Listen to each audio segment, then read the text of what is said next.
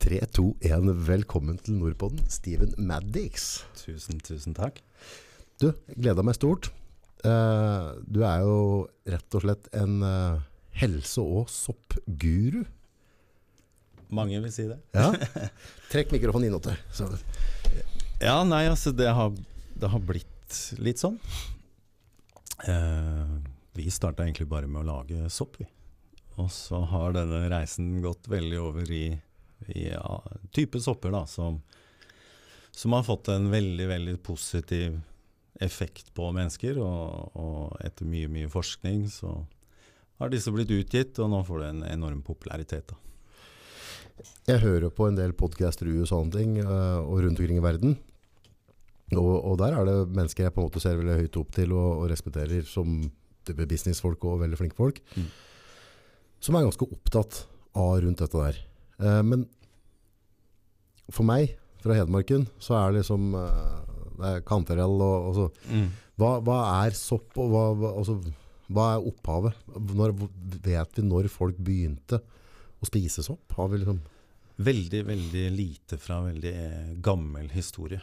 Men det er jo spesielt kineserne da, som eh, har loggført mye. Eh, spesielt med denne soppen jeg har nærmest her. Ja. Den anses som hellig, og fortsatt en, en sånn type stjerne der borte. Den heter reishi. Uh, ling shi på kinesisk. da. Gamle, Ski er ikke det siden? eh, Nei. Ja, det betyr langt liv. Langt liv. Ja. Så det var sånn at keiserne faktisk henrettet alle som, som tok den såpen. Den var det bare keiserne som skulle ha. Ok. Så dette er helt tilbake til Song-dynastiet, altså et par tusen år eller noe sånt før, før Jesus også, ikke sant. Så, Ja. Så sopp har vært i bruk i mange, mange tusen år. Ja. Um, og så har man kanskje glemt det litt langs veien nå.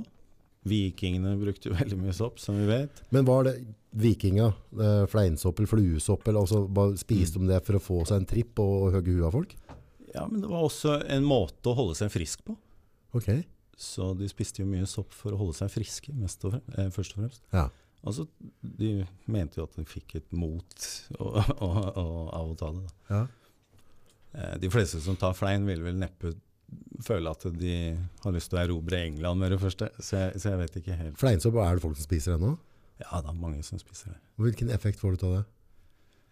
Altså, jeg, har jo bare prøvd det én gang. Ja. Jeg syns det var akkurat som å være drita full. Å, du ble ru sånn? Ja, det var ikke noe behagelig opplevelse i det hele tatt. Nei. Så, men du får jo mye visuelle syner, og du, du ser mye, da. Ja. Og flein er en veldig sterk, såkalt magisk sopp. da. Ok. Så den er mye, mye sterkere enn de som er vanlige å kultivere, f.eks. Ja. Så det er litt for de viderekomne, eh, vil jeg si. Men du kan jo dø av visse sopper òg. Jeg har hørt om det er folk som plukker Ja, feil sopper, og så kan du, det kan gå galt. Absolutt. Skikkelig galt. Ja. Så det er sånn at soppene har jo egentlig utviklet veldig avansert eh, immunforsvar, ikke sant? med biokjemi for å kunne beskytte seg mot eh, virus og bakterier og alt som er i naturen. Du må jo også ta med at vi må jo begynne der, at soppriket er et helt eget rike. Okay. Det er helt annerledes enn dyreriket, planteriket eller noen av dem. Ja, på hvilken måte? Altså Genetisk så, så vet vi at vi nesten alle er nødt til å, å se på sopp som en distant forfeder. Fordi alt som har oppstått, har oppstått fra sopp. Mange milliarder år før det var planter, så var det sopp her. Ok. Så soppen i dag, sånn som vi ser det i dag, så, så, så er det jo Der hvor det er sopp, der er det masse liv. Mye biorikhet og masse, masse forskjellige dyr og planter og sånne ting. Men når soppen er borte, da blir det monokultur. Ja. Ja, Så når vi spiser enkelte sopper da, som har vært der i et par milliarder år, Ja. uh, og ikke vil bli spist av dyr eller av noe, så har de laget seg noe så vanvittig offensive midler. Annet hvit fluesopp. da. Og de som er så veldig å ryke på den, så sier de at det er den beste soppen de har smakt. Og så merker de ikke noe, og så går det et døgn, Og så begynner den å spise opp nyrene dine. Og så går det neste døgn, så går den til angrep på leveren din. Og så spiser den deg opp innvendig over fem dager. Du får ikke stoppa det? Ingen sjanse. Du må bare prøve. Det er ikke motgift? Nei, altså, du mister nyrene dine da, hvis de klarer å redde deg i tide. Så må du ha dialyse resten av livet. Serr? Ja. Og dette har vokst ute i skogen Ja, borti her, liksom? Soppsakkyndige de finner disse her i kurver hvert eneste år.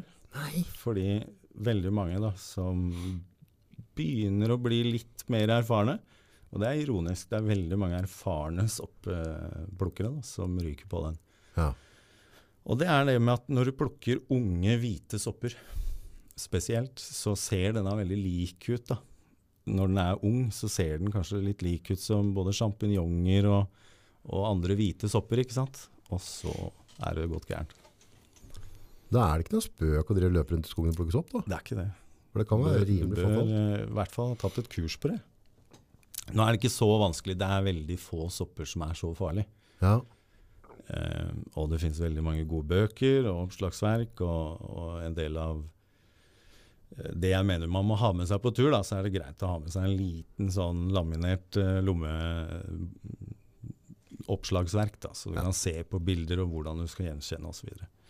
så hvis man plukker jevnlig, så blir man god på det. Du prater på at, at uh, opphavet til såpen er veldig, veldig langt bak i historien. Jeg tror jeg har hørt på en podcast eller noe, og de noen som spekulerte i at de mente at uh, det liksom akkurat som det var aliens, så nå har bare Ja. kommet og planta sopp på kloden for at det skulle bli liv her. Og så kommer du tilbake en, noen millioner år etterpå, så ser hva, hva ble det ut av det. ikke sant? At du mente at dette var starten på veldig, veldig mye. Ja. Altså, det er jo mye teorier der ute, da. Uh, men, men altså Det er jo mange tegn på at de tok mye sånne type sopper eh, og, og fantaserte mye rundt Jesus sin tid også. Ja. Og at de drakk jo visse brygg, vet du, ja. som bl.a. inneholdt eh, denne ergamott, som LSD kommer fra. Ok. Ergamot, hvor er det det? Også? Det er en sopp. det er en sopp. Så, den kommer, Så LSD kommer fra en sopp? Ja. Ok. LSD er en syntetisk form av, av det virkestoffet som er i den soppen. Ja. Men alt i alt så, så er jo historien vår høyst sannsynligvis satt sammen av en eller annen høyere intelligens som har klart å lage dette perfekte universet, og alt er i symbiose og, og, og ditt og datt. Men der hvor det er mest symbiose, det er jo der hvor soppen er. Symbiose, hva er det? Det betyr at alt klarer å leve i balanse sammen uten noe på en måte ødeleggelse eller noen ting. Litt annerledes enn vi mennesker Nei, så? Ta Tsjerno- Tsjernobyl, da. Ja, Ikke sant? Nå så mange år etterpå så har soppen kommet tilbake. Og det er et enormt rikt planteliv, dyreliv. Alt har begynt å hente seg inn igjen. Ja. Og det er jo soppen sin oppgave er å reparere planeten her. ikke sant? Og uten soppene så hadde vi bare bodd på et berg av søppel. ja. Mens disse soppene er med på å fornye jorda og, og lage et nytt liv til alt. Jeg så øh, i hagen og øh, bakom kjøkkenet her så var det et område jeg ikke har klipt på halvannen uke nå, og der har kommet ganske store sopper ganske fort. Hva er det det er for noe? Ja, det kan være Ja, hva altså- som helst. Ja, men er det normalt at det bare vokser opp sånn? Mm, Ja, nå når det har regna litt, så, så kommer det jo fort, da. Det har vokst ganske fort. Ja, hva? er Altså, på det? For å ta den biten, høyst sannsynlig så er det noen sopper som er der for å hjelpe plenen din. da. Ja. Eh, For stort sett når de gror midt på plenen, så er det fra en familie vi kaller mykorrhiza. Og mykorrhizaene de lager symbiose. Dvs. Si at de byttehandler næringsstoffer. Du nevnte jo kantarell og sånn tidligere. Kantarell byttehandler jo næringsstoffer ofte med rotnettverket til bjørka. Oh. Og da blir det sånn at når de har lagd seg parforhold, og du eventuelt klipper gresset ditt f.eks., og de har parforhold med gresset ditt, ja. så, så dør soppen. Ja. Og dreper du soppen, så dør gresset. Oi. De har blitt uh, i ett med roten, uh, eller sånn Ja. rotnettverket. Da. Så, sånn fungerer de soppene der. Og det er klart at sånne typer sopper er jo de som er veldig interessante å forske på. Om hvordan disse kan hjelpe oss i landbruket, og hvordan vi kan ha et mye, mye bedre produksjon av råvarer da, med næringsinnhold. Der kommer vi litt inn på, sånn, hvis vi lager litt kategorier her nå. Vi kan, altså vi har på en måte sopp for å Det har egne sopper som eh, hjelper til å fornye jorda, altså gjør at jorda, jorda blir næringsrik. Så har vi sopper vi spiser, og så har vi sopper til medisinsk bruk. For, altså, går det an å forklare litt forskjellen for meg på det? Hva, som er, hva, hva er det vi bruker? Er, det, er det noe vi ser i hverdagen? Altså Som matsopp så, så, handler det jo stort sett om at de bare smaker godt, Ja. eh, rett og slett. Men, men mange av disse soppene har jo virkestoffer i, eller spesielle biokjemiske sammensetninger av sukker. Ja. Eh, som oftest kaller vi de polysakkarider. Og alle sopper har, de, har disse. Polysakkarider, hva betyr det? Poly betyr mange, og sakkarider betyr sukker. Ja. Så det er sånne langkjedede sukkermolekyler som eh, gir en slags eh, immunrespons på vår kropp. Så når de deles opp i kroppen, så bytter de form til noe som heter betaglukaner, som gir oss en enorm immunrespons på forskjellige måter. Okay. Det kan være å binde opp eh, tungmetaller, det kan være med på å rense lever, det kan være med på å rense hjerte- og karsystemet. Eh, en rekke positive effekter. Men vanlig matsopp vil jeg si, så lenge den er økologisk og ren, da, så vil jeg si at all sopp er med på å forsterke mikrobiomet i magen vår. Og, og reparere Suger til seg alle de slemme bakteriene og ta heller vare på de gode. Ja. Så det er mye studier på det med vanlig blågrå østers, som er kanskje den mest kultiverte eh, soppen i hele verden. Okay. Det er ikke sjampinjong, det er veldig sånn populært her i Europa, men ja. i andre land så er det blågrå østers. Og den har jo nå fått også en medisinsk eh, tittel med at den er antimikrobiell. Så når man spiser det der, så får man bedre balanse i magen. Ja, for dette er altså den balansen i magen og magebakterier. Det er noe som er himla viktig, og der begynner de fleste leger nå å bli enige om at hvis du er i ubalanse der, du kan bli depressiv, du kan bli glad i sukker, du kan bli, glad i alkohol. Altså den, for bakteriene snakker til hjernen din. Mm. Tarm, hjerne. Altså det er en connection der. da. Mm. Og har du feil bakterieflora og ikke har dette i balanse, så, så kan det være Altså immunforsvaret ditt er jo i hvert fall avhengig av det. Er det ikke sånn der 90% av immunforsvaret i magen eller noe? Ja. Ja. Så du kan jo tenke deg at når mesteparten av forskning på det, sopp, da, eller mykologi heter det faget, eh, har gått til å forske på hvordan man dreper soppen.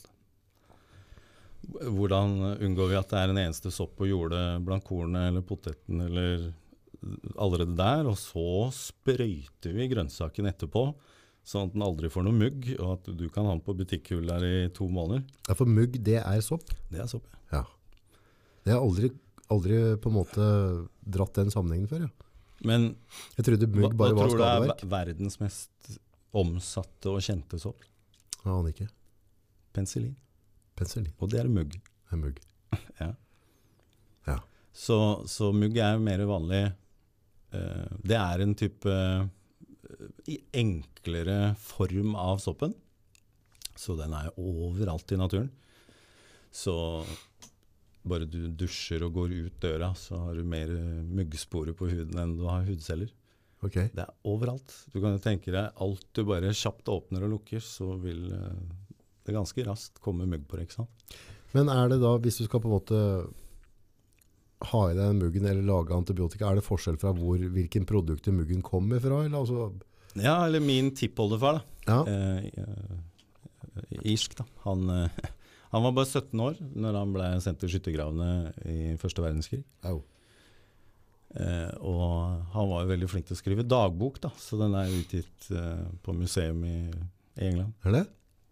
Eh, og der beskriver han et gammelt kjerringråd fra Irland om at de skulle ofre den ene brødskiva med loff og la den mugne helt.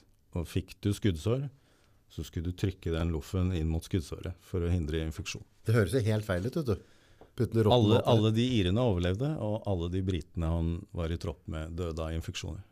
Ja, for det var jo det som var den store drepen der nede. Så, så muggen var da et triks for å, å holde såret rent. Da. Tenk på det. Så så enkelt kan det gjøres, faktisk.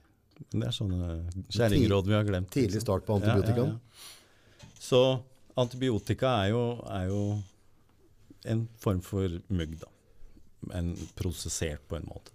Men hvis vi går på Kina, da.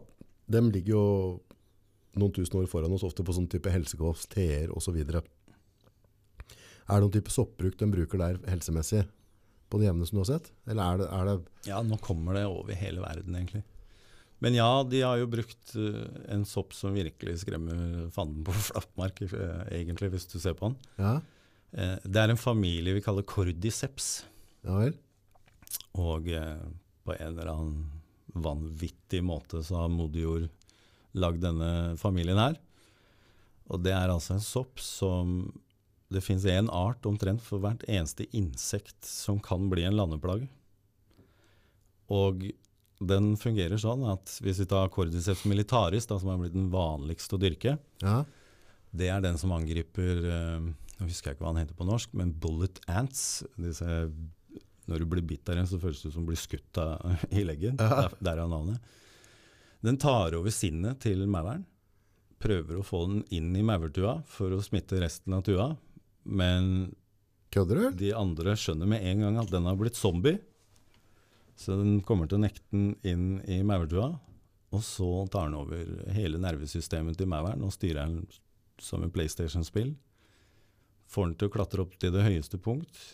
Bite seg fast med krampetrekninger til døden i et blad. Og så dreper den mauren og gror ut av hjernen på den. det er cordyceps. Så det er en sopp gror ut Ja, og den, denne er jo der hvor eh, opphavet til alle disse zombiefilmene og, og sånn, ikke sant. Når, eh, når lager moder jord en cordyceps for mennesker? Mm. Når eh, blir vi ansett som parasitter den skal fjerne, liksom? Så Nå husker jeg ikke denne den er litt skremmende. Men det som har vist seg, da, er at kinesere har jo brukt dette her i OL-lag i alt mulig, og den øker jo vann... Altså Jeg bruker ni den i mennesker. Ja, ja. Han gror ikke et skallen av året, da, eller? Nei.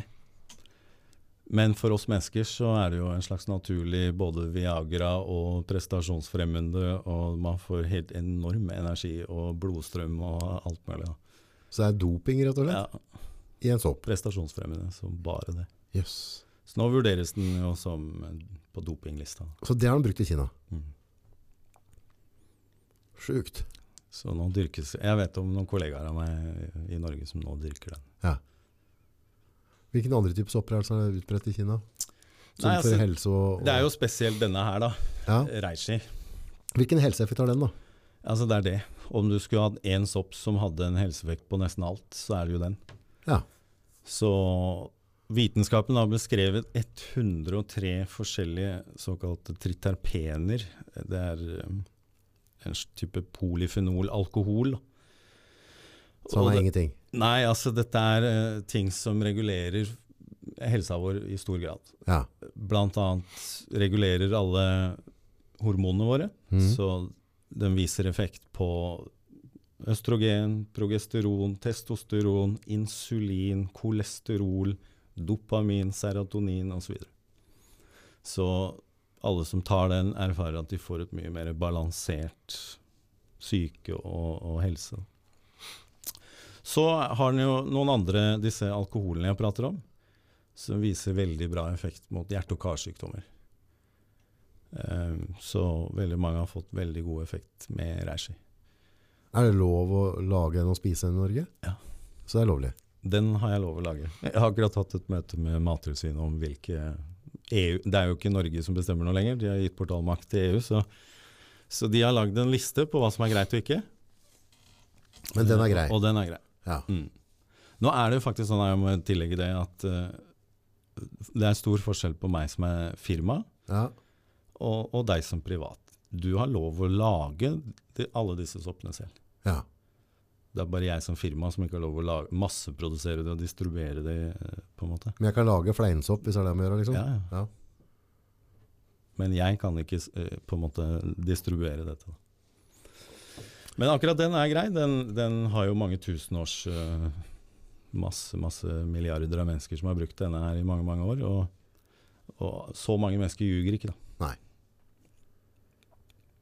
Men kineserne har nok liksom på en måte hatt dette her som en naturmedisin, mens det er først nå de siste 20 åra vi får litt ordentlig god forskning på dette her. da, Hvor må- lenge tror du det er lovlig hvis det gir effekt? For altså, det er lett for å bli sånn at farmasautindustrien, så fort det er et eller annet naturprodukt som fungerer på helt tatt folk, så blir det banna på et eller annet vis, og så får du kjøpt en syntetisk utgave isteden.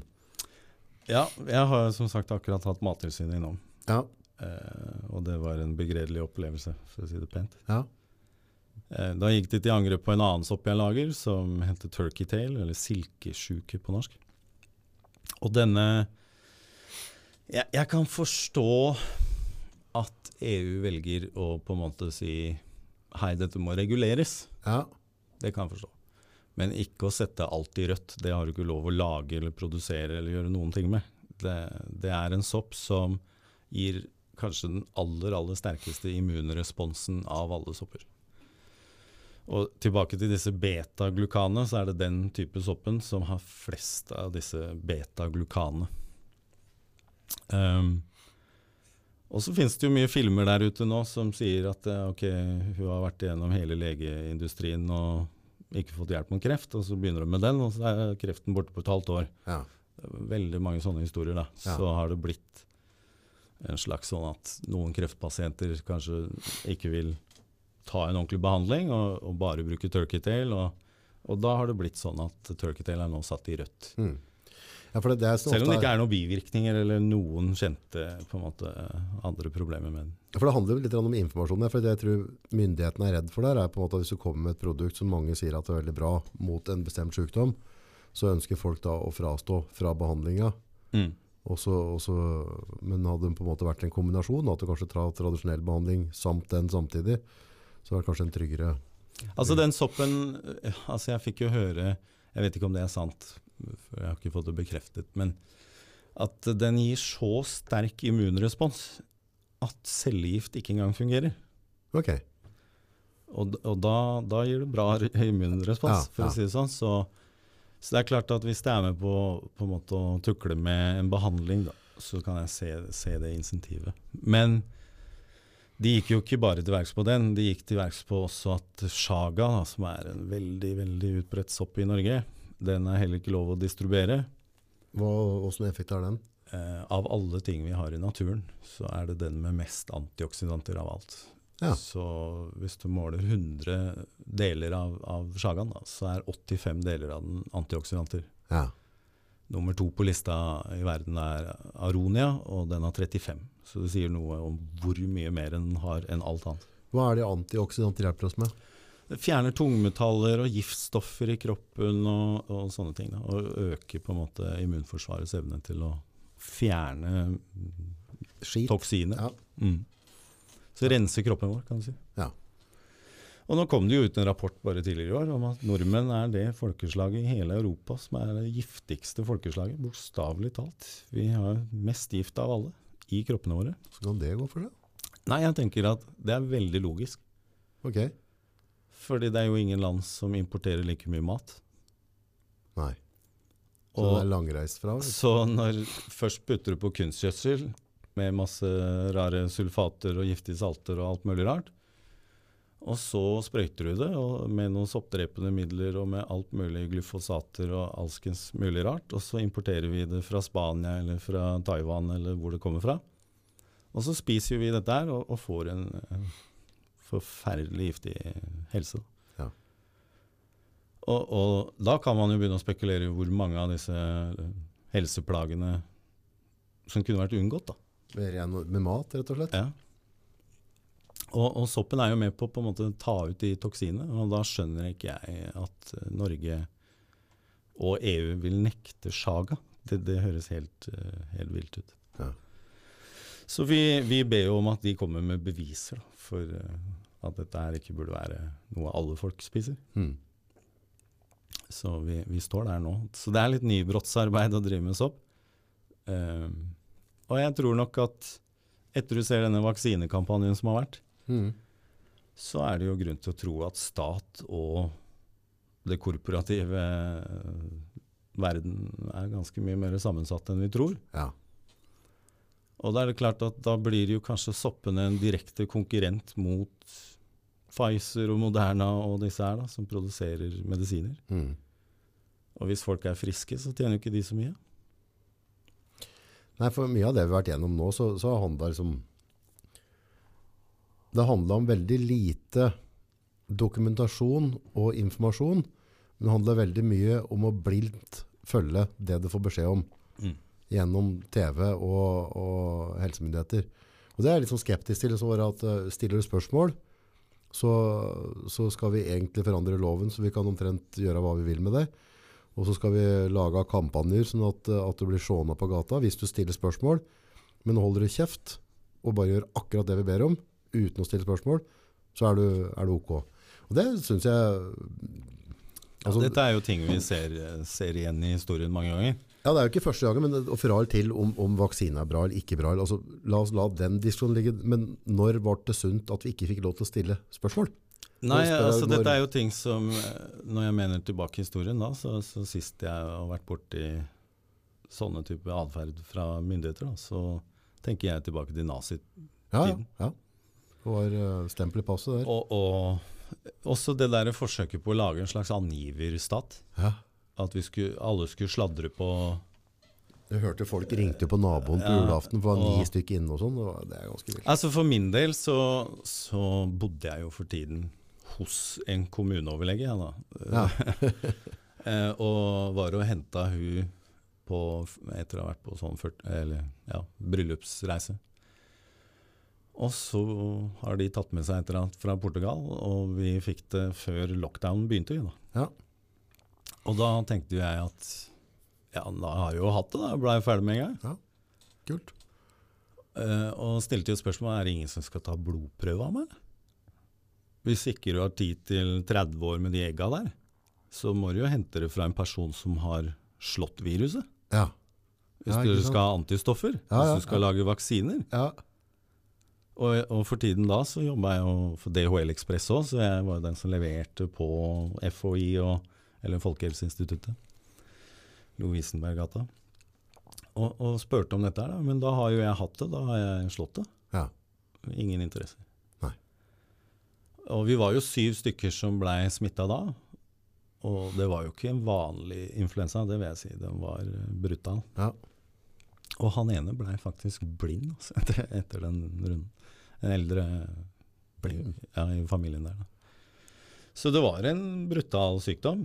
Så jeg skjønner jo dette kravet om vaksiner. og at men da, da begynner vi å, å tenke på at da, da skulle jo staten på en måte ta vare på folk og gi oss vaksiner for at vi ikke skulle bli daudsjuke. Ja. Men så har jo historien begynt å dra seg ut der, at vi begynner å snu midtveis her. At da funka jo ikke de vaksinene. Så skulle du ha booster én gang, og så skulle du ha booster to ganger. Og nå er det faktisk nå da den fjerde er ute.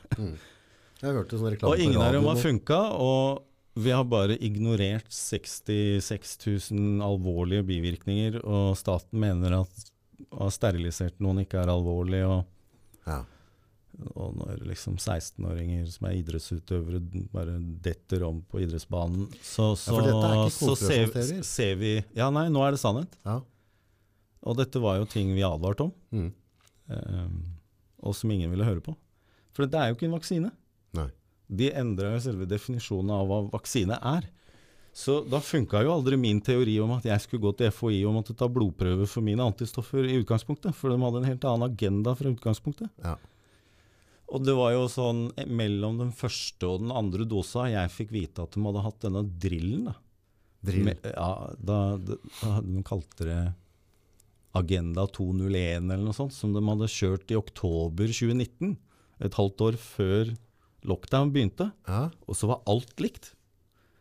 Så du skjønte at dette var en planlagt ting, og de hadde allerede lagd vaksiner på forhånd. ja, tror du det var planlagt?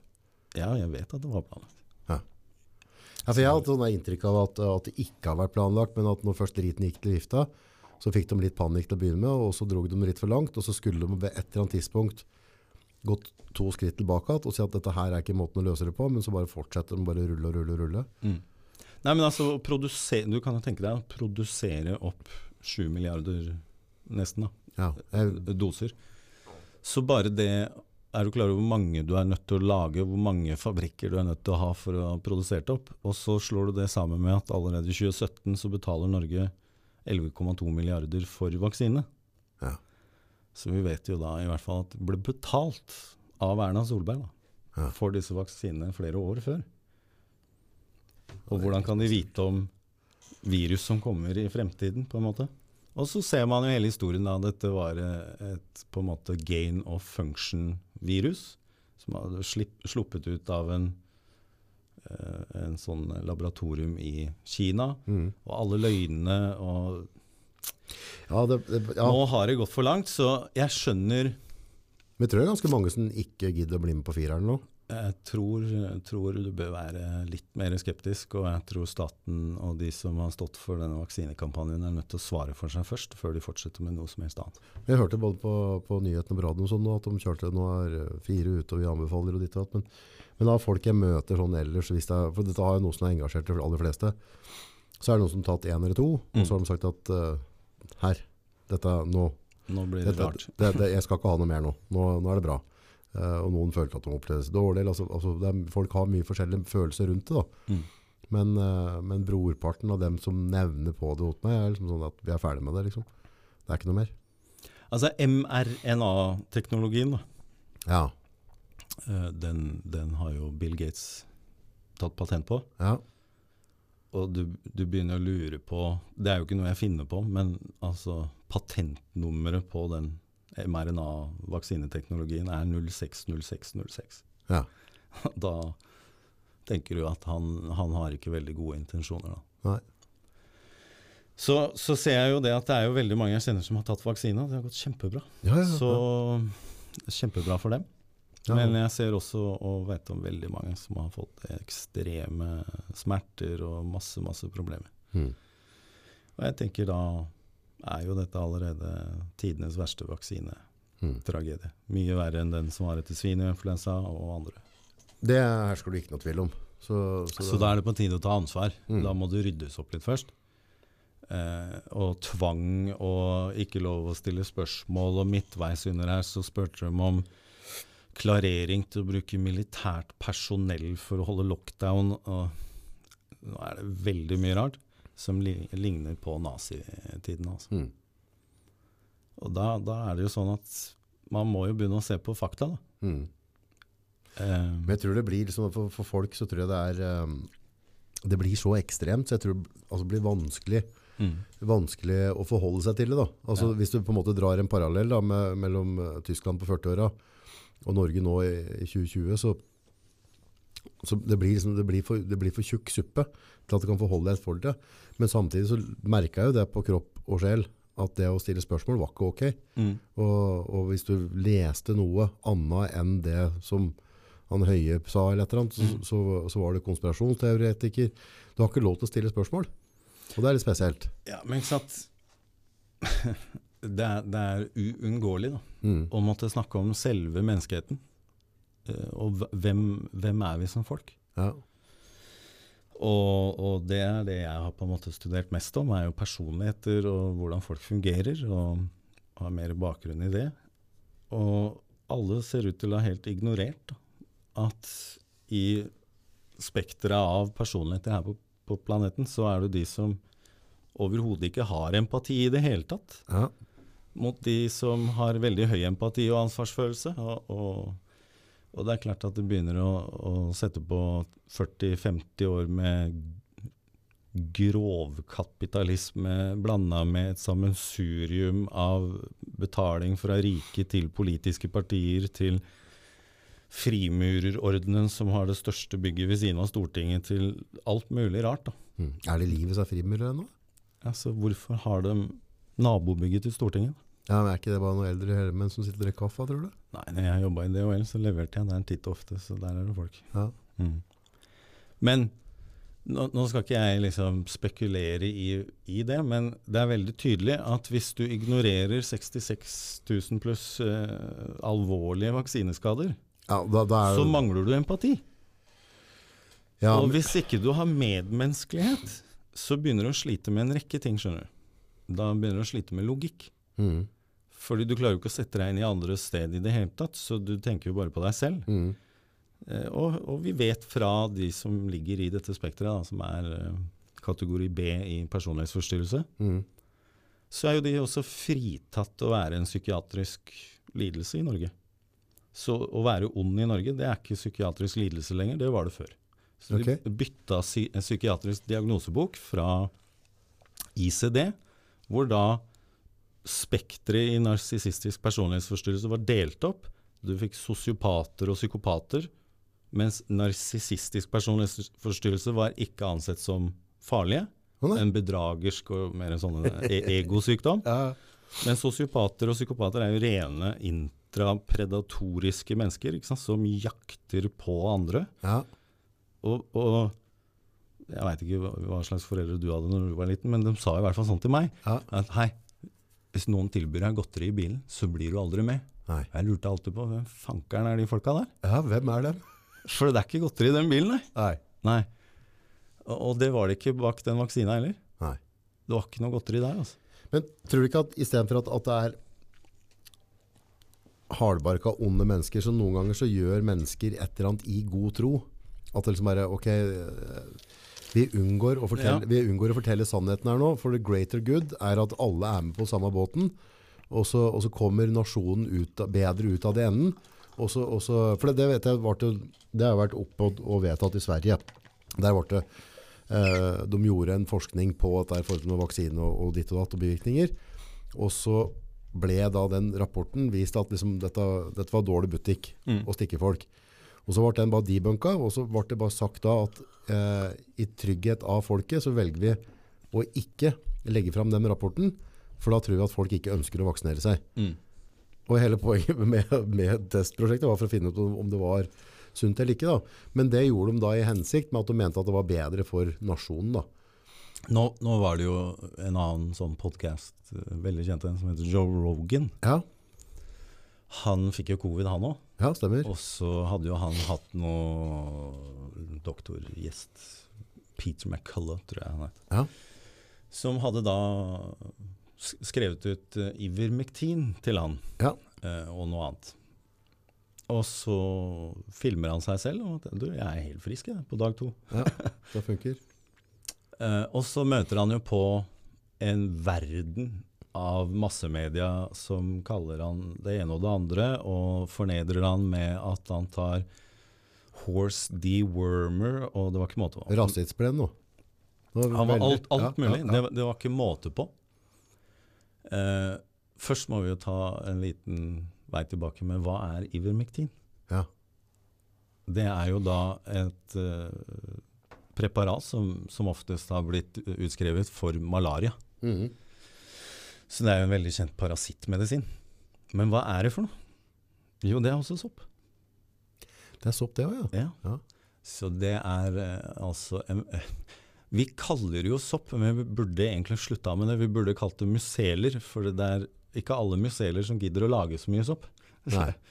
Og dette er ah, en av disse. Så dette er en såkalt eh, jordlevende musel som er med på å forstyrke mikrobiomet i landbruket i Japan.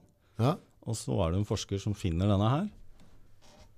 Og den heter streptomyces, og den hadde en helt vanvittig immunrespons og kverka alle parasittangrep. ja, for den gjør at parasitter ikke klarer å formere seg videre. Ikke Mm. sant? Så hvis du først da får covid, så istedenfor at det på en måte da formerer seg og spalter seg i cellene dine og blir mer av dem, så stopper den dem. En, en, nesten en sånn cordyceps for parasitter i kroppen din. Ja. Og den er jo ekstremt effektiv også. Mm. Det komiske Den har jo fått Nobelspris. ja, for og- menneskemedisin, og så kalte de det hestemedisin. Så da, da skjønner du hvilken vinkel og eierskapet til de som styrer agendaen Ja, for hvorfor, Hvor utbredt er det, da? hvorfor kaller de det hestemedisin når vi vet at det har fått Nobels fredspris som en medisin for mennesker? Også, også. Ja, og når du ljuger så jævlig, ja. og du er CNN, og? Så, så nå så tror jeg CNN har en gjennomsnittlig tilskuerbase på rundt 600 000 i et land med tre, over 300 millioner. Det går gærent med han. Så når du ljuger så jævlig, og de gikk mot Joe Rogan på det, da, da, da mista veldig mange troa på dem. Altså. Um, så jeg ser, ser hele den perioden vi har vært i, har vært så ekstrem, og den har vært også veldig lik i alle land. Ja. Så dette er jo ikke unikt bare her i Norge. Du ser jo også til andre land hvor det har gått litt lenger. ja. Canada så var det ganske ekstremt. Ja, og nå, nå i det siste da, så, så er det jo veldig spennende å følge hva som skjer i Nederland, syns jeg. da.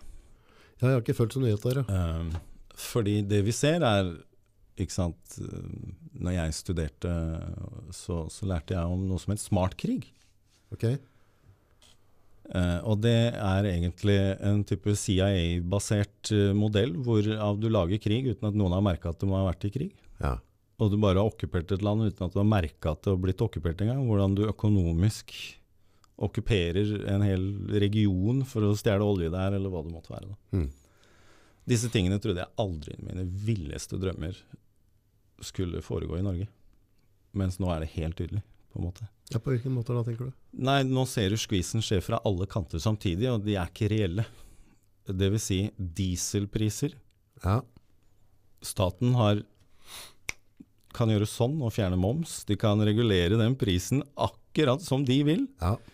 Og av en eller annen grunn da, så ser jeg at der hvor jeg bor, så har jeg en stasjon jeg, som nesten alltid har 19-20 kroner literen for prisen, mens bare jeg kjører et par kilometer til, så er det 25 kroner. ja. Så jeg vet at det er satt inn i algoritmer etter hvordan du tømmer lommebøker og alt mulig, og hvem som er villig til å betale for hva, og så setter du på smartmålere, som det er mange, mange bevis for, at måler noe helt annet enn reell bruk. Smartmåler er for noe. Det ser ut som måler strøm Ja. i alle bostander. Ok. Ja, det jeg vet jeg det var noen rettssaker og noe styr og stell med. Hva, Det betyr at smartmålerne er jo egentlig bare sånn at de kan rigge spillet med hvor, og, og gi deg hvor mye strøm de bestemmer. Ikke sant? Så du må ha mulighet til å skru av strømmen din på en annen måte? Og, og, og også trikse med det. At du egentlig bruker 500 kW, men så bare kan de sende til den maskinen at du har brukt 1000.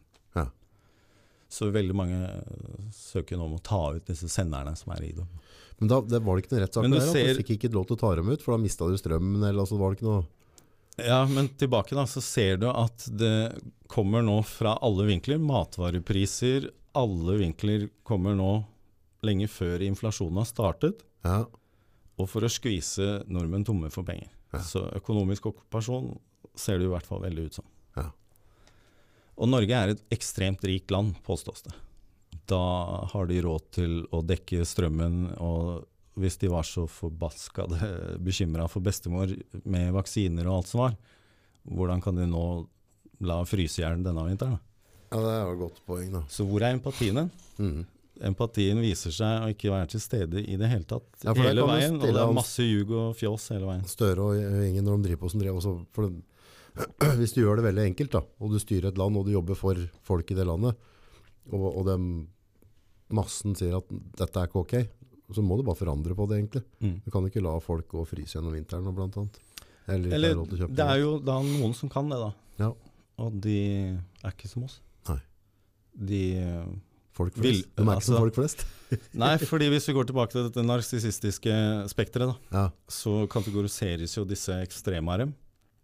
Eh, altså sosiopatene og psykopatene. Psykopatene er da født uten MAOMA-genet. Det vil si. Eh, det er reguleringsgenet. Så de kan ikke regulere seg. Så de kan ikke noe for å gjøre faenskap uansett. Can't fucking help themselves. Og ca. 1-2% blir født sånn. Så Ja. da kan du tenke deg da, du har sikkert sett mer enn 100 mennesker i dag. Ja. Og da har du sett 1-2 av dem er menneskelige intrapredatoriske mennesker som bare jakter på andre for å ta alt de har. Det høres jævlig trist ut. Men det er sant.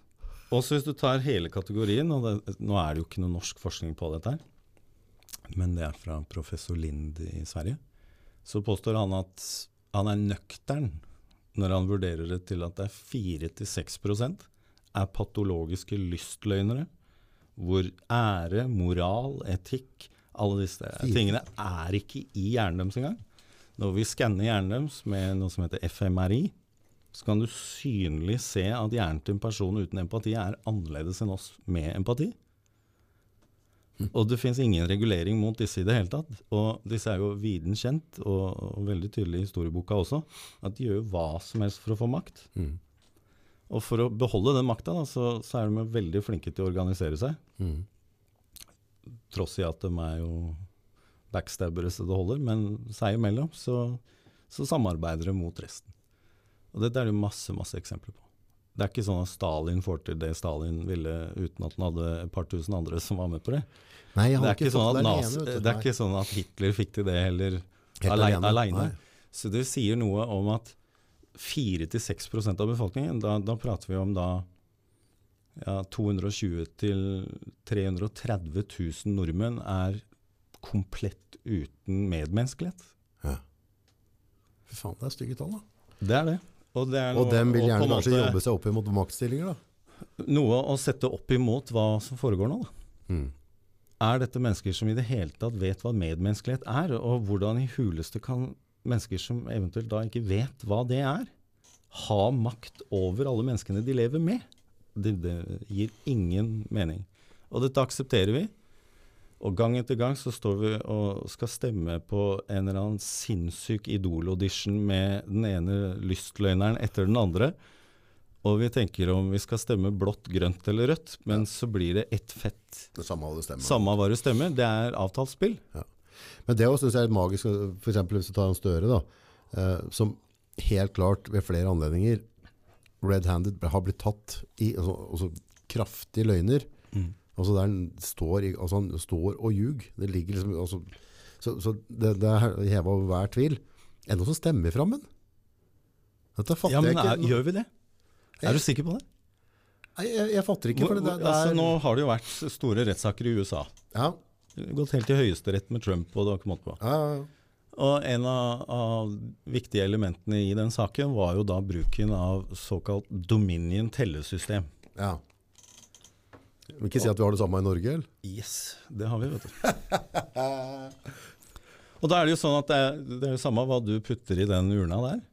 Ja, tror du det er så gærent Den kan jo telle det hvordan den vil. Tror du det er så gærent i Norge? Selvfølgelig veit jeg at det er sånn. Dette her, dette her blir jo O store Kosby på den da. Dette var ikke forberedt på. Da ble jeg. Nei, men jeg forteller deg hvordan det funker. Ja, ja, ja. Eh, og, og ja, jeg kan jo også si at eh, ja, jeg har jo tidligere også jobba i transporten for Forsvarets overkommando, Ja, og veit mye om hva de kan. ja. Og det er klart at de vil ikke ta risiko med at en eller annen superpopulistisk eh, som går helt eh, rett vest med noen ting. Så alt er i bunn og grunn veldig rigga. Og du ser at næringslivet har jo egentlig betalt for alle valgkampanjer til alle partiene. Nå er det jo også avslørt at Og, og du kaller det konspi, men jeg vil, Jo, folk vil jo kalle det Ja, men jeg vil trekke det tilbake til at jeg kommer bare til å si ting som jeg mener folk kan finne ut sjøl, og, Ja, og at ja. det er sant. Ja, La oss ta et eksempel. Ulf Lerstein. vet ikke mer. Nei, altså, han- nå er han vel lederen for kon øh, kontroll- og konstitusjonskomiteen på Stortinget. Ok, Han ble vel først avslørt for at han drev og hadde sex med mindreårige som var under barnevernets omsorg. Og så ble han tatt en gang til sammen med kona, faktisk, med en annet barn som var under barnevernets omsorg. altså under 16 år altså? Det var under 15, tror jeg. Og så Dette er jo veldig spesielt, da. ikke sant? Eh, Hvilken som helst arbeidsplass hadde dette skjedd, så må, må, må, må du løpe. Nei, nei. Han bare måtte trekke seg i Frp. Og i dag så er han enkeltmannsparti på Stortinget. Han, han er ikke i Frp eller noen ting. Og, og hvis jeg eller en eller annen stakkars skal klage på at barnevernet har tatt unga deres og sendt dem til en eller annen pedofil, så må du klage til han som er dømt for det. Er det alvorlig nå, eller? Det er sant. Så hvis folk slår opp, nå hvis jeg går og slår opp etterpå, så ser jeg at han blir sparket ut av FRP, Han ble ikke sparka, han måtte trekke seg. måtte trekke seg. På Vanlig av, hadde jo blitt sparka, ja, men det er På såpass av- vanlig kultur sikkert i Frp, da. Så vi på grunn av det vi kaller voldtekt. Uh, ja.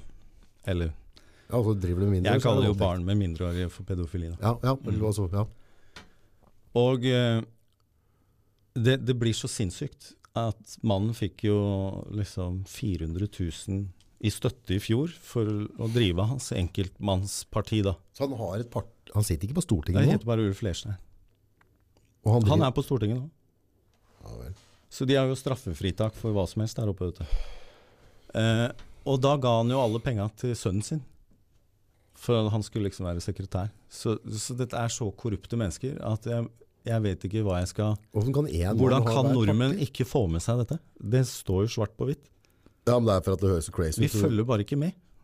Det, vi bare forventer at ledere har empati og er folk som har ansvarsfølelse og er de, de riktige folka til å styre. Men det, det er skuespillere. Antisosiale skuespillere som kommer til makt for å kunne misbruke den. Og det, det er jo et veldig godt eksempel. Og han er jo ikke aleine. Hvor mange på Stortinget er tatt for bedrageri, skattesvindel, juks med Har du noen andre eksempler? Ja, en pendlerbolig, den er ganske frisk. Den er det litt flere av. Ja, ja, men altså, du ser jo Trine Skei Grande var jo i en sånn sak, og, ikke sant? ja, ja, ja, stemmer det. Hun drev ut en åker. Så hva slags og- folk er det vi har, da? De er, og så står de der frekke nok til å kalle seg folkevalgte. Jeg hadde jo aldri valgt noen hvis jeg visste de var sånne folk. Nei, nei. nei, nei. Selvfølgelig ikke. Og så tar vi nå, da, på de tre åra her nå, så er det jo også blitt avslørt at av 169 på Stortinget, så er 149 er med i Europabevegelsen.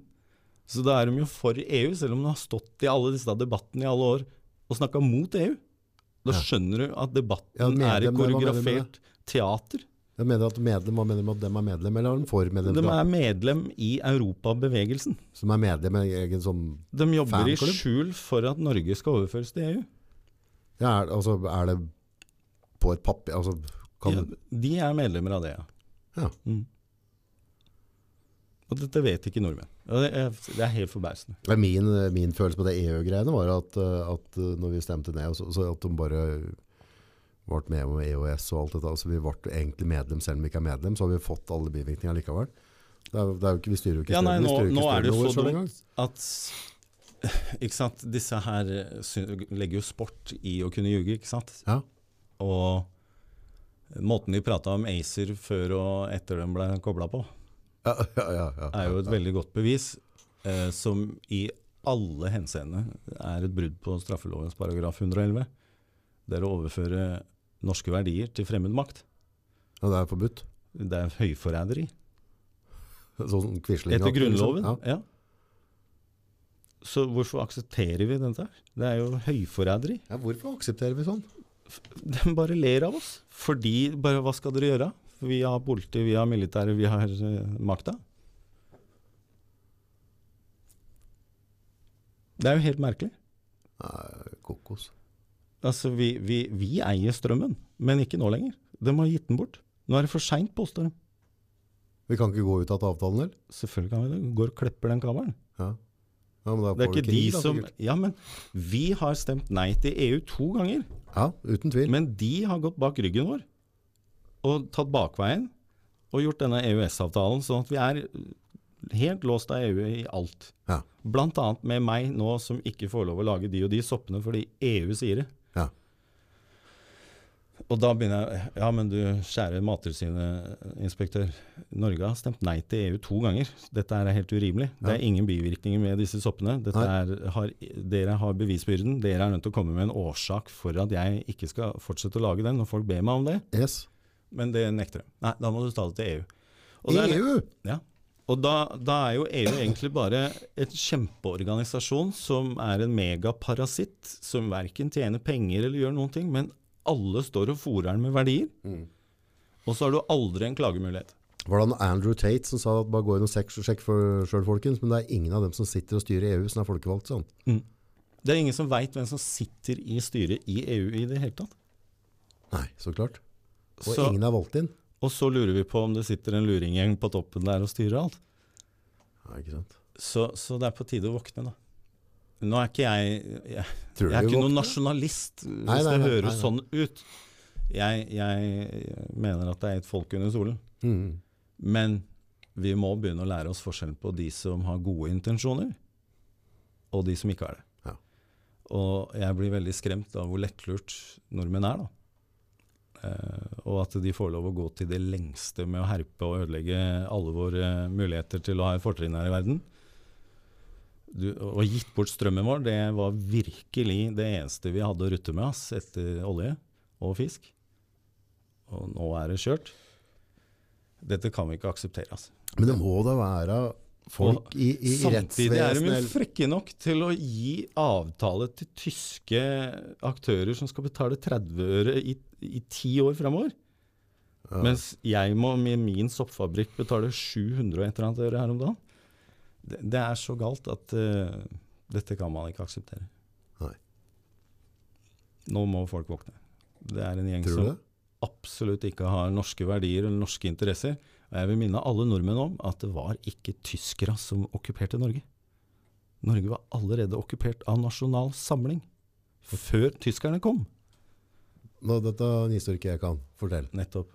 Fordi allerede i 1936 så, så har du jo disse diktene Arne Øverland, og alle kommer jo med varsku om nazismen lenge før den kommer til Altså krigen begynner. Ja. Men Vidkun Quisling og, og hele hans gjeng, de hadde jo tatt over alt før tyskerne kommer. Ja, som var allerede inne og styrte? ja, ja. Og så kalte de det nazister. Hvis du bare legger på en R, hva blir det da? Narsister. Så det er de som hater andre folk. Det er galskap, jo. Ja, men de syns det er morsomt å flippe med folk, ikke sant. Så de kan jo styre Hvis du styrer alt, så kan du styre alle aviser, alle Du ser jo hvordan det ble styrt mot Joe Rogan. Ja. Men der bomma de, for der, eh, han fikk bare flere følgere etterpå. Og det er det jeg syns er veldig positivt i den tiden her nå. Det er at jeg registrerte at det var en tid hvor alle blei kalt konspi. Ja, ja, ja. Men det er ikke mye du skal snakke utenom før Men- Cosby.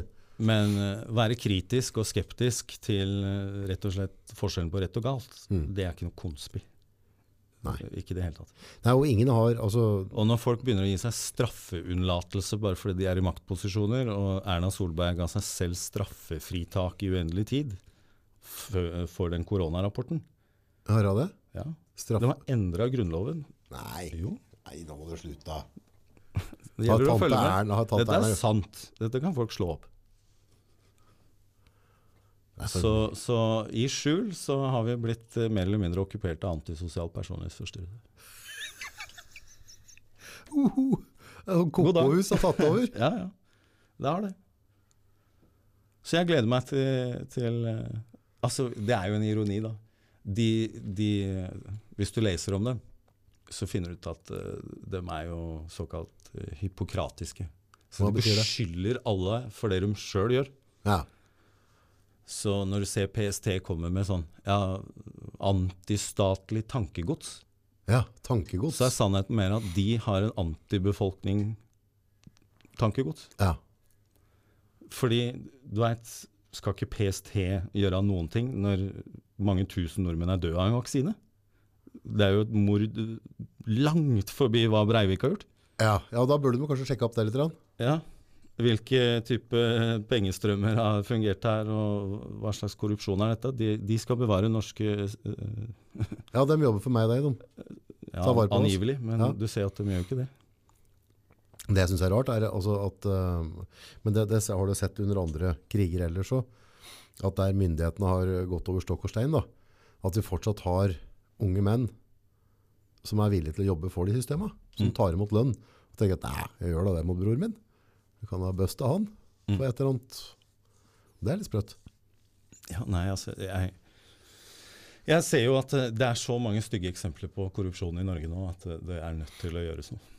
Altså, en av de styggeste jeg har sett nå to siste åra, som liksom blir utenom alt dette med vaksiner og sånn, men hvor eh, en kjent aktør da, som har vært anmeldt eh, utall ganger for utukt med barn og masse, masse jævelskap, en som heter Helge Alne, um, han får store kontrakter av barnevernet. Og så blir han tatt for å utukt med fosterbarn. Ja. Og så, ja, en uke før rettssaken så tar han angivelig livet sitt. Jeg mener at det bør undersøkes litt nærmere som mord. Tror du det? Og så blir han Helge Alne frikjent, og vi ser mange sånne eksempler. Han blitt frikjent? Ja, ja. Da døde vitnet, og da var det ikke noe det, det er helt horrible historier der ute. Og de står jo i avisa. Jeg vet ikke om alle får med seg alt, men dette er jo ting vi, vi ser gang på gang på gang. Barnevernet går igjen og igjen i alle disse bruddene i Menneskerettighetsdomstolen.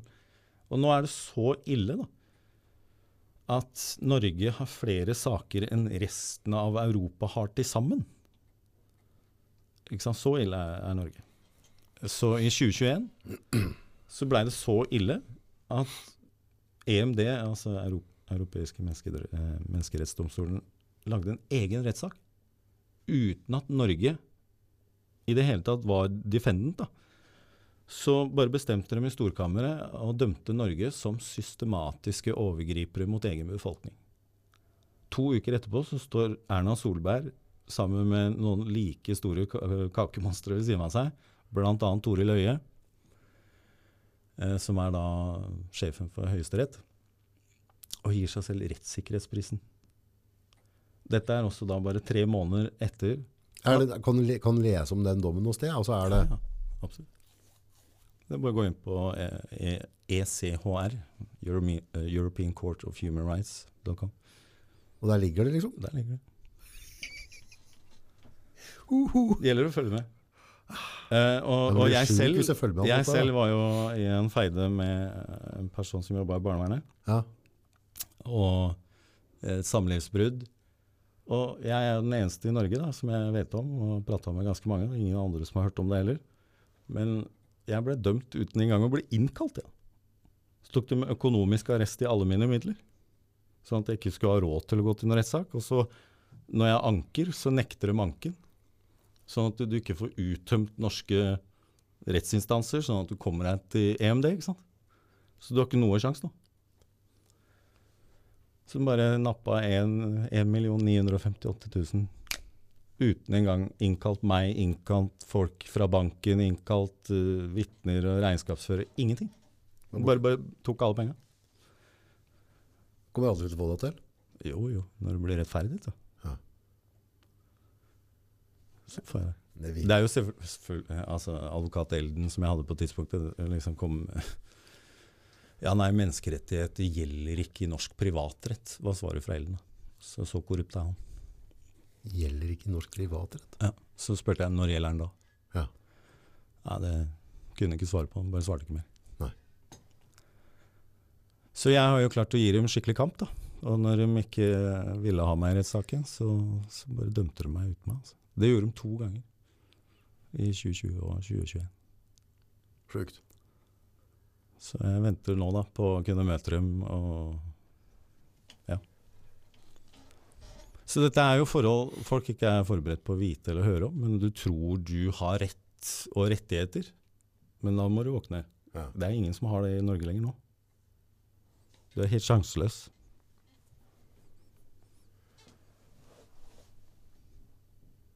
Det, ja, jeg, jeg, blir jo litt sånn målløs, da. Mm. Og hvis alt det du prater på, du kan på en måte søke om det er svart på hvitt. Svart på hvitt. Så det er liksom det at når det ikke fins noe ikke For vi, vi, har så tiltro da, til kontrollmyndigheter skulle ha stoppa dette og alt mulig. Mens hvis det er et nettverk av samarbeid, mm. så er det jo fri ferdsel for maktmisbruk. da. Og det er jo det EMD poengterer. At ja. det er systematisk overgrep. At én familie blir ikke bare tatt fra unga fra barnevernet, men da kjører politi på, da kjører Nav på, da kjører liksom ja, altså Alt går på samtidig? Alt går fra alle vinkler rundt, og angrep fra så mange kanter samtidig. Ja. Og, og, det var jo spesielt én sak i EMD der, hvor du bare Hva i helvete? Um, nå husker jeg ikke helt, men det var Ibrahim versus Norge, da. Mm. Og historien eh, Jeg håper jeg gjengir det korrekt, eh, med kanskje muligheter for små feil. Men hun eh, hadde blitt voldtatt av Al Shabaab-leder i Somalia. Ja. Og, blir, og, søker asyl, og, og, får det i Norge. Og kommer til Norge som 17-åring, men hun er gravid. Ja. Og egentlig så fort barnet blir født, så kommer barnevernet bare med en hypotese om at hun er så herja med av, av denne voldtekten og sånne ting. Mm. Bare påstår, helt uten noe bevis og bare tar barnet. Uh, og det er jo sånn etter loven at hun skal jo ha medvirkning i barnets oppvekst og få støtte og hjelp og tiltak osv. Men de uteblir. Og Ibrahim eh, prøver å ha en dialog med barnevernet. Eh, så til tross for så var det i hvert fall viktig for henne da, at barnet blei respektert for at den skulle oppdras noe muslimsk. Ja. Mens istedenfor så blir det gitt et fosterhjem som konstant driver med psykisk terror. Og sender henne bilder til jul om at han sitter med kors rundt halsen og ber til Gud, da, med kristen greie, og spiser gris. Og, og det gjør de bare for å igle og kødde, ikke sant? Og hun vinner jo også EMD. Får hun tilbake barnet sitt? Nei. Han Trude Lobben, som til og med gikk helt i storkammeret, har heller aldri fått igjen barnet sitt, selv om Norge er dømt av alle samtlige land. Så dette er sannheten i Norge nå. Det er en stygg sannhet, og den må det gjøres noe med. ja, sånn skal vi ikke ha det. Vi kan ikke ha det sånn. Og mine og dine skattepenger skulle ikke brukes sånn. Nei. Vi hadde en felles enighet om at vi bevarer hverandre, og vi betaler skattepenger for å ta vare på hverandre. Men dette her er overhodet eh, ikke det i det hele tatt. Dette er ren skam. Og nå blir det lagd Bollywood-filmer, det er BBC-dokumentarer om norsk barnevern. Alt eh, Det er helt vilt. Altså, så det er folk i andre land reagerer Ja, på det, liksom? Ja, ja, Det er det er bare vi i Norge som ikke får det med oss. Ja, fordi i Norge så styres jo alle medier, ikke sant. Det er to selskaper som eier alt. Ja. Og de er igjen eid av av noen. Ja. Så, så det, er, det er veldig vanskelig å nå igjennom, og dere med podkast er jo en unik mulighet. Da. Absolutt. Sånn som nå, så får du vite ting du ikke har vært klar over. Ja, og, og det som er viktig da med podcast, er at hvis det er noen som på en måte bestrider det du sier, da, og mener at de har bevis på det, så er de også velkommen til å komme. ja, det, det som er hele poenget med dette her, er at, altså, at uh, du skal få lov til å ha din Ja. mening og din kunnskap og ditt syn på en ting.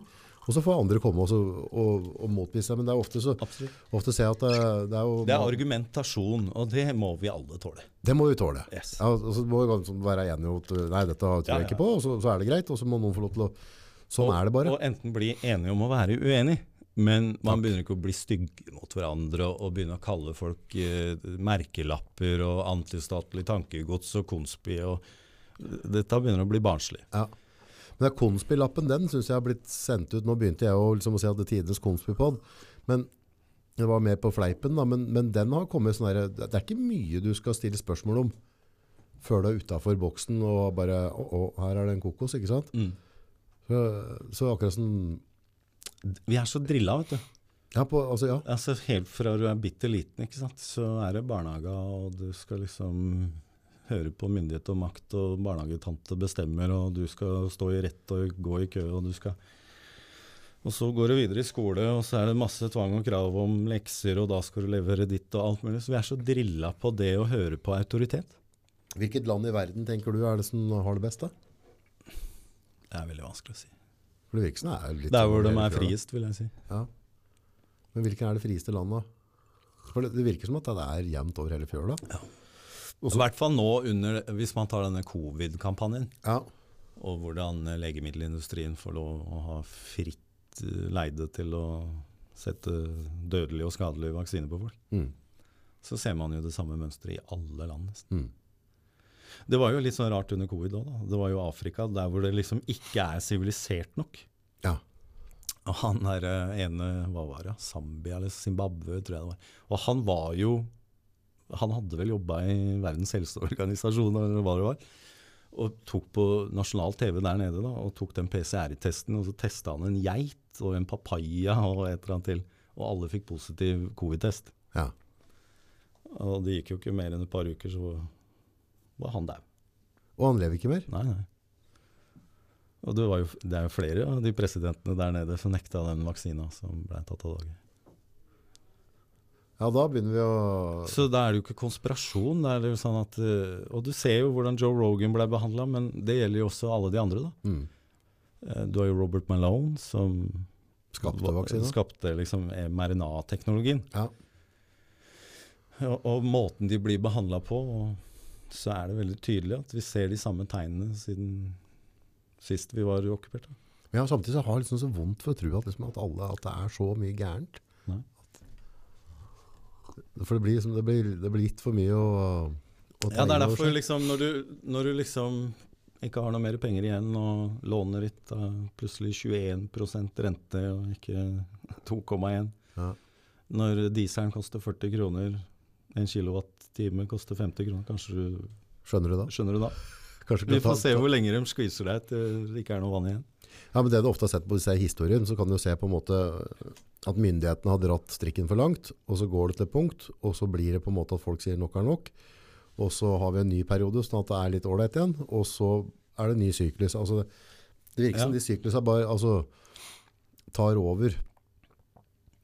Og, og, Ja, det gjør jo at vi fort glemmer, da. Hvis Ja. vi får en god periode, så glemmer vi alt det gærne som ble gjort. ja, det er for at vi alle mennesker er dårer, så når vi har det litt ålreit, så men jeg tenker jo på alle de der ute nå da, som enten har blitt sterile etter denne vaksina, ja, har hjerteproblemer, mista liksom unge ja. Hvem er det som tenker på de, da? Men ligger de tallene ordentlig ute ennå, eller er det Nei, altså Nå slutta jo FHI å legge ut disse tallene, og det, det, det er jo veldig mye rart. De har en plikt til å, å legge ut de, Ja, men det har de slutta med, det òg. altså det blir ikke lagt ut mer? Nei.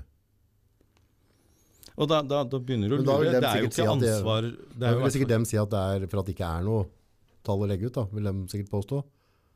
Jo, det er masse tall å legge ut. Nå har de jo endra reglene da, sånn at folk som dør av vaksina, blir registrert som covid-død. Ja, Det står jo på hjemmesidene deres. Gjør det det? Ja. Så det kan du gå inn og lese på sjøl. Det kan du. Det Så det er helt absurd. Det er ikke logisk. Det er ikke Og jeg ser mønstrene da fra en som Altså fra noen som ikke bryr seg om andre, andres Mm, liv, da. Og, og du altså Nå har jeg jo hatt gleden av å bli kjent med en venn av deg som heter Dag Thomas. Ja. Og, og vært med som eh, kameramann der, og, og, og da møtt f.eks. professor Mette Kallager. Ja. Og blitt forklart veldig nøye og nøyaktig hvordan PCR-testen fungerer, og hvordan dette viruset har mutert seg, og alle disse tingene i detalj. Så selv om jeg ikke har noe helsemessig utdannelse, så, så har jeg vært veldig nysgjerrig og veldig nøyaktig med hvem jeg har tatt informasjonen min fra. Mhm. Og dette er jo professor i medisinsk beslutning. ja. Mens der står Bent Høie, som eneste utdannelse han har, er å være pikkolo på hotell. Og står og snakker ned til hu. Det er helt vilt. Ja. Det burde jo vært helt omvendt. At de aller mest kyndige styrte, da. Mm. Mens istedenfor så ser man at det er denne politiske makten som har all rådighet til å bestemme. Selv om det ikke er fornuft, eller selv om det ikke har eh, koherens med profesjonelle. Da. Og det er veldig spesielt. Charlotte Haug var jo en annen. Og de kommer på debatten og stiller viktige spørsmål, men de svarer ikke. Og en veldig typisk ting å lære med antisosialt personlighetsforstyrrede, når de ikke liker å svare på et spørsmål, så, så gjør de en såkalt ordsalat, kaller vi det. ja. Men på teknisk fagspråk så kaller vi dette oksymoron tale. Aha. Det betyr at du snakker rundt, Ja. men du har aldri endt opp til noen ting. Sånn ordentlig tåkeprat. Ja. Ja. Og dette er jo en språkteknikk for å manipulere.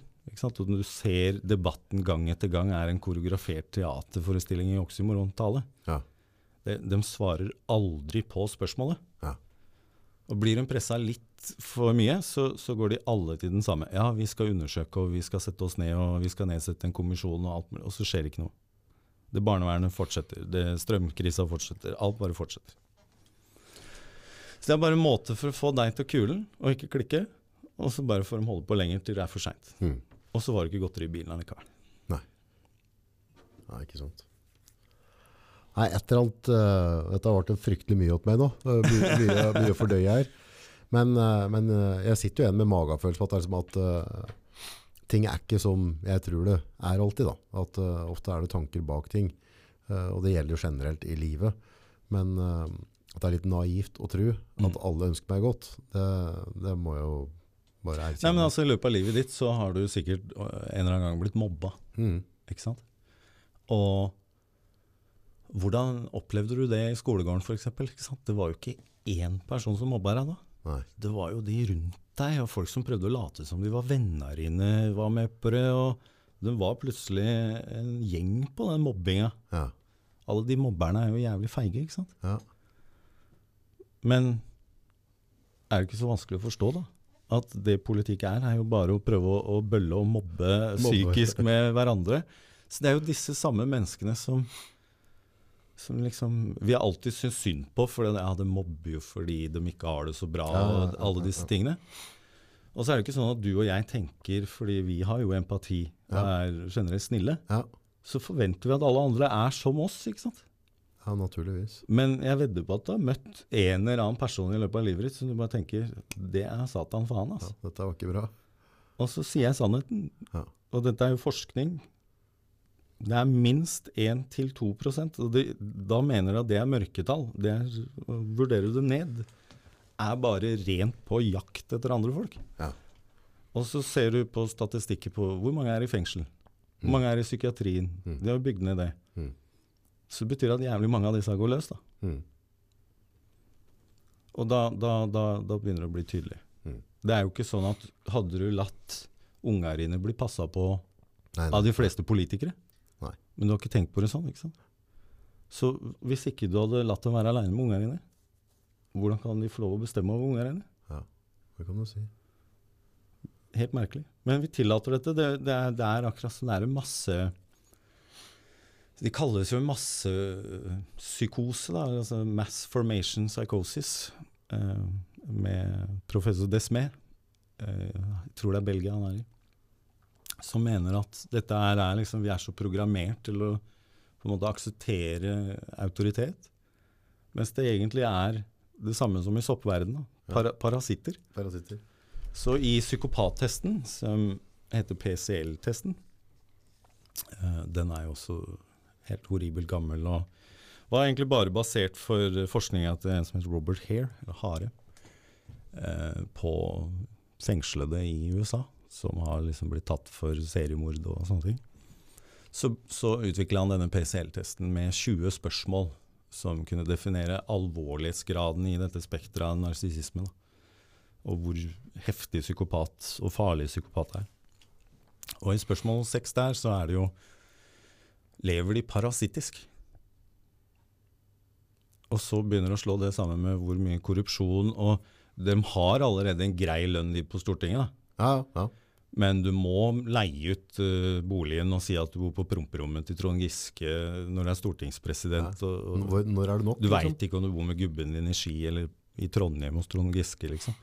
Og så skal du ta penga for at du pendler til og fra Trondheim til et sted du ikke bor. Når du er så Ja. grådig, Ja. så har du ikke noe i noe ledelse for dette landet å gjøre. Nei, da har, vi Ferdig snakka. da har vi et dårlig filter på hvem vi slipper ledelsen. ut. Ja, enkelt og greit. Mine skattepenger skal ikke gi deg lønn i det hele tatt. Nei. Men Så jeg mener at minimumskrav det er det enkleste løsningen på hele krisen her, og vi får finne sannheten da, etter hvert. Mm. Så kan vi akseptere å bli kalt teoretikere så mye vi vil. Men la oss først finne ut hvem er som har empati og ikke blant de som leder og Ja, styrer. ja. Det er helt uakseptabelt at om du ikke har medmenneskelighet, så bør du ikke få lov å bestemme over menneskene du lever med. Det sier seg sjøl. Ut med det. Ja. Og nå har de jo idiotene lagd eh, tvangsvedtak om tvangstesting og alt mulig. Vi kan bruke det på dem. Ja. Nå finnes det jo gentester som måler om folk har reguleringsgen. Det gjør det, ja. Og da, da er det samme som å si at du og jeg, vi ser naboen står der med to Ferrarier med ene bildøra oppe, så klarer vi å regulere. Åh, vi skulle gjerne hatt en sånn en, en gang.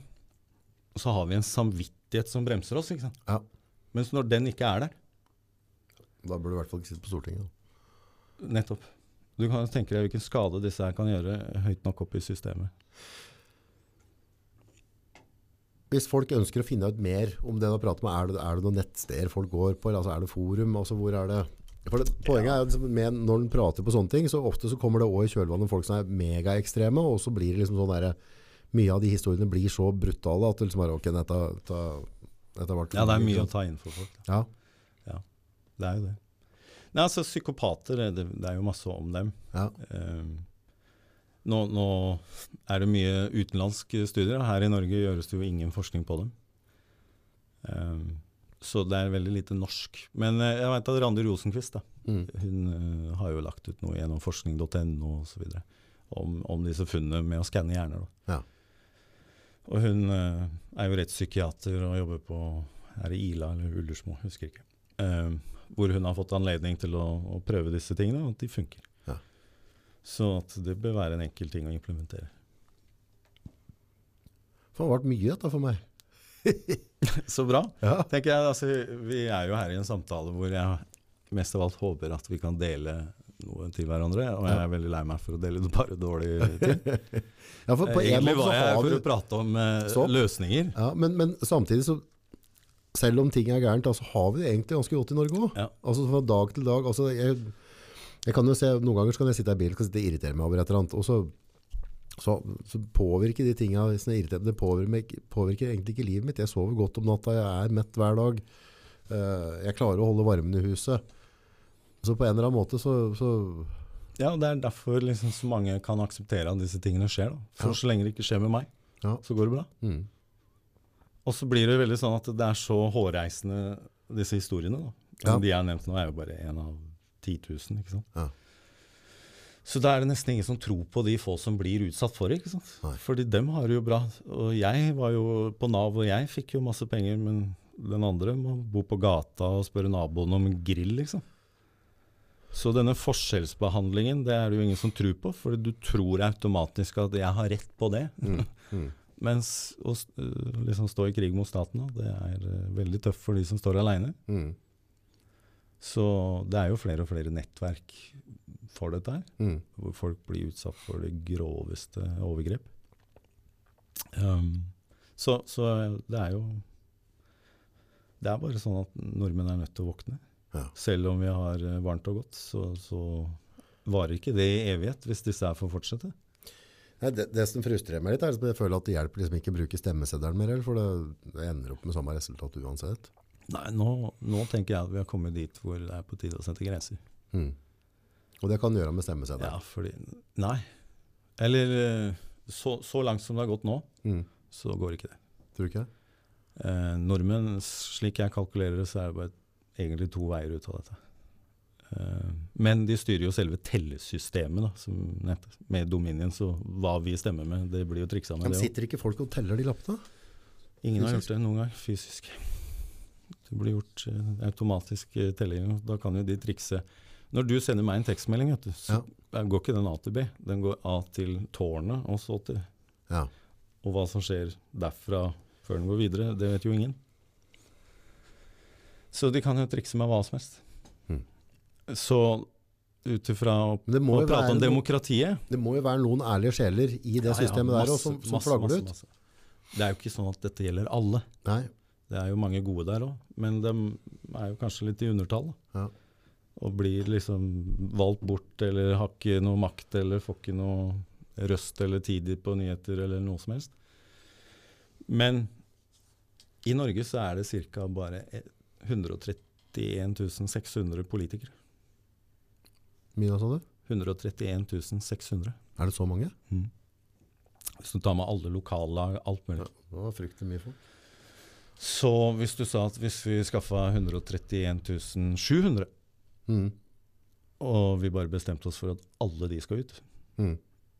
da har jeg tro på det. Mm. Absolutt alle politikere som eksisterer, de må ut. Mm.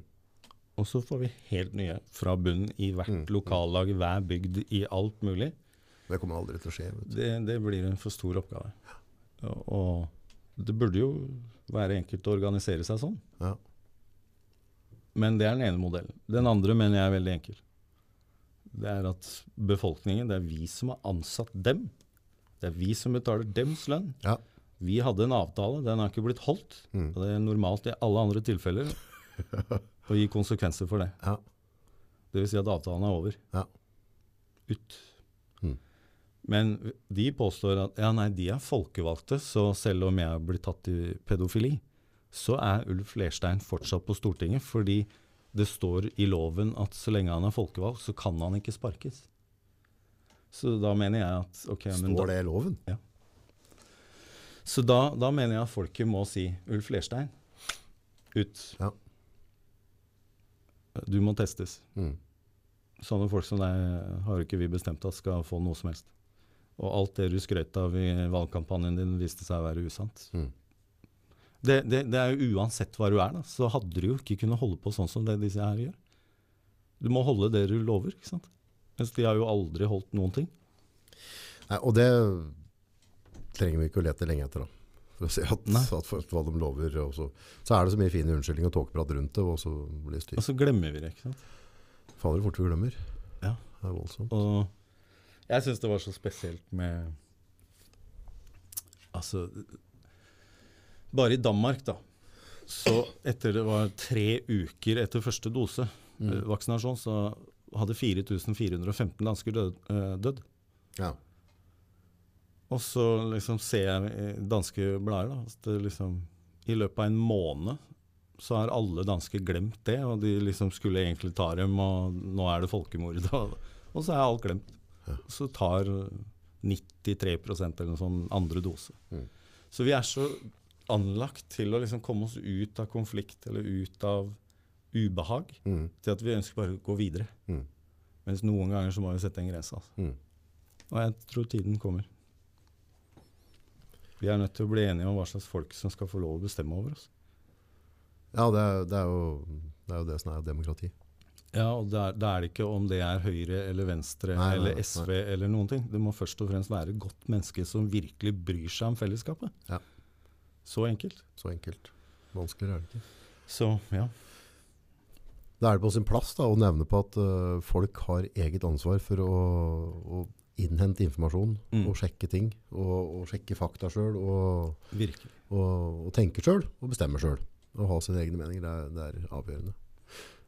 Vi må litt tilbake på, Ja. på, på soppprosjektet ditt. Vi driver med mye rart. Ja. ja. Nei, altså vi eh, har jo vært uh, lenge i et forskningsprosjekt hvorav uh, vi kan gå litt tilbake til at disse soppene da er disse som gror ut av trær, Ja. såkalt saprotrofiske sopper. Nedbrytere er et bedre norsk ord for det. Så var min idé veldig enkel. Da. At ja, hva hvis alle trærne i skogen de blir jo brutt ned? Mm. Hva er det det blir til? da? Det blir jo naturens aller beste gjødsel. Ja. Så da, da starta det der, og så begynte jeg å ta kontakt med lokale bønder. da.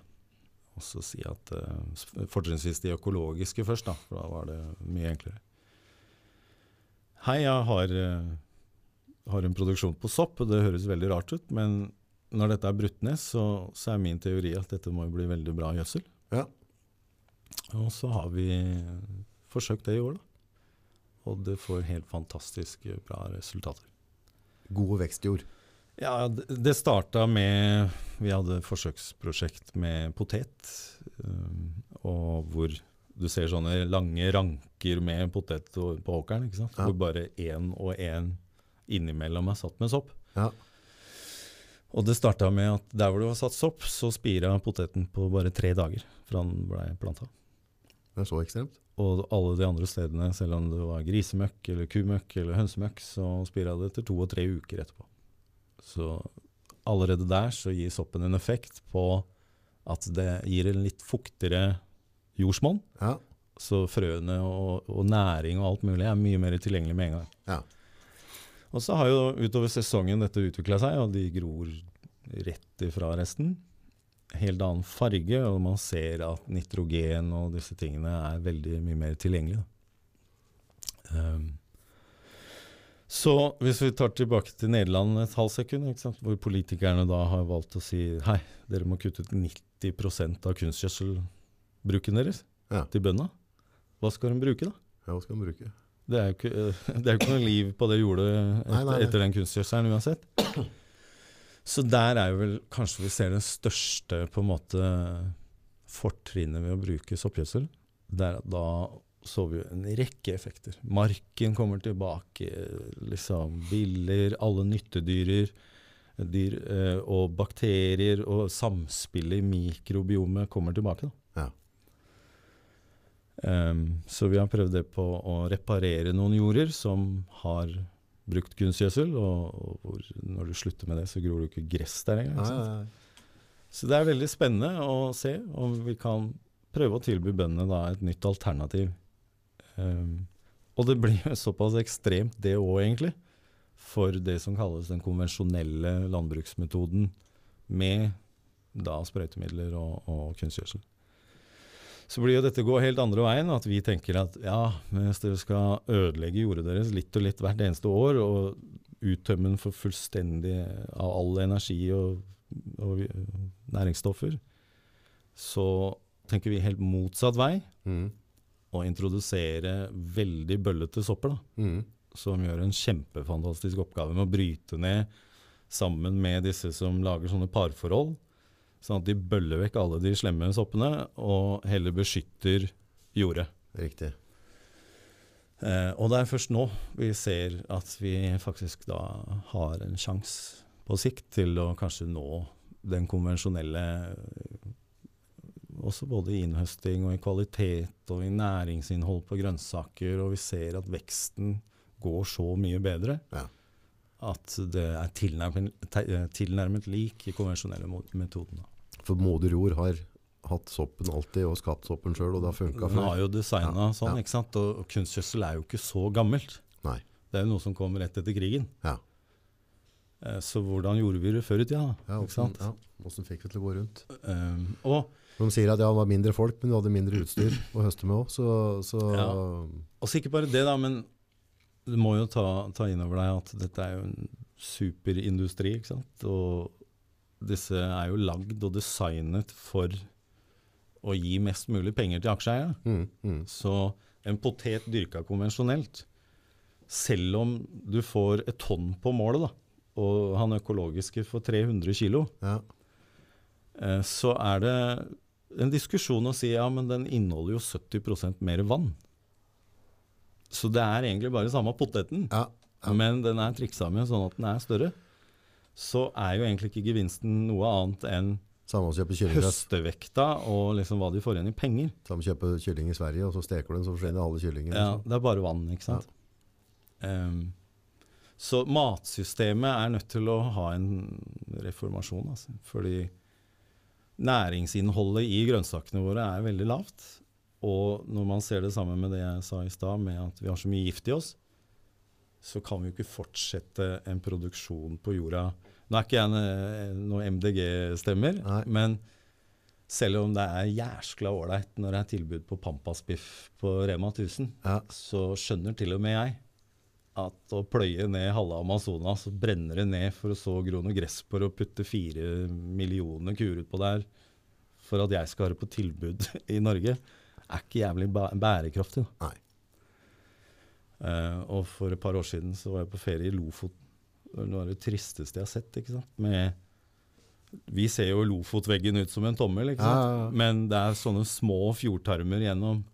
Og i en av dem så er Lofoten oppdrettsanlegg. ikke sant? Og det er en ørken. Det er ikke fisk der, det er ikke en reke, det er ikke tang og tare, det er ikke noen ting. det. Helt rundert. Så, så skal vi tillate, da, bare for at salmalaksen er billig, liksom, at vi herper og ødelegger hele fjorden. Og dette sp- sprer seg jo med strømmer over. altså Det er helt vilt. Så vi må gjøre et grep om bærekraft. da. Mm.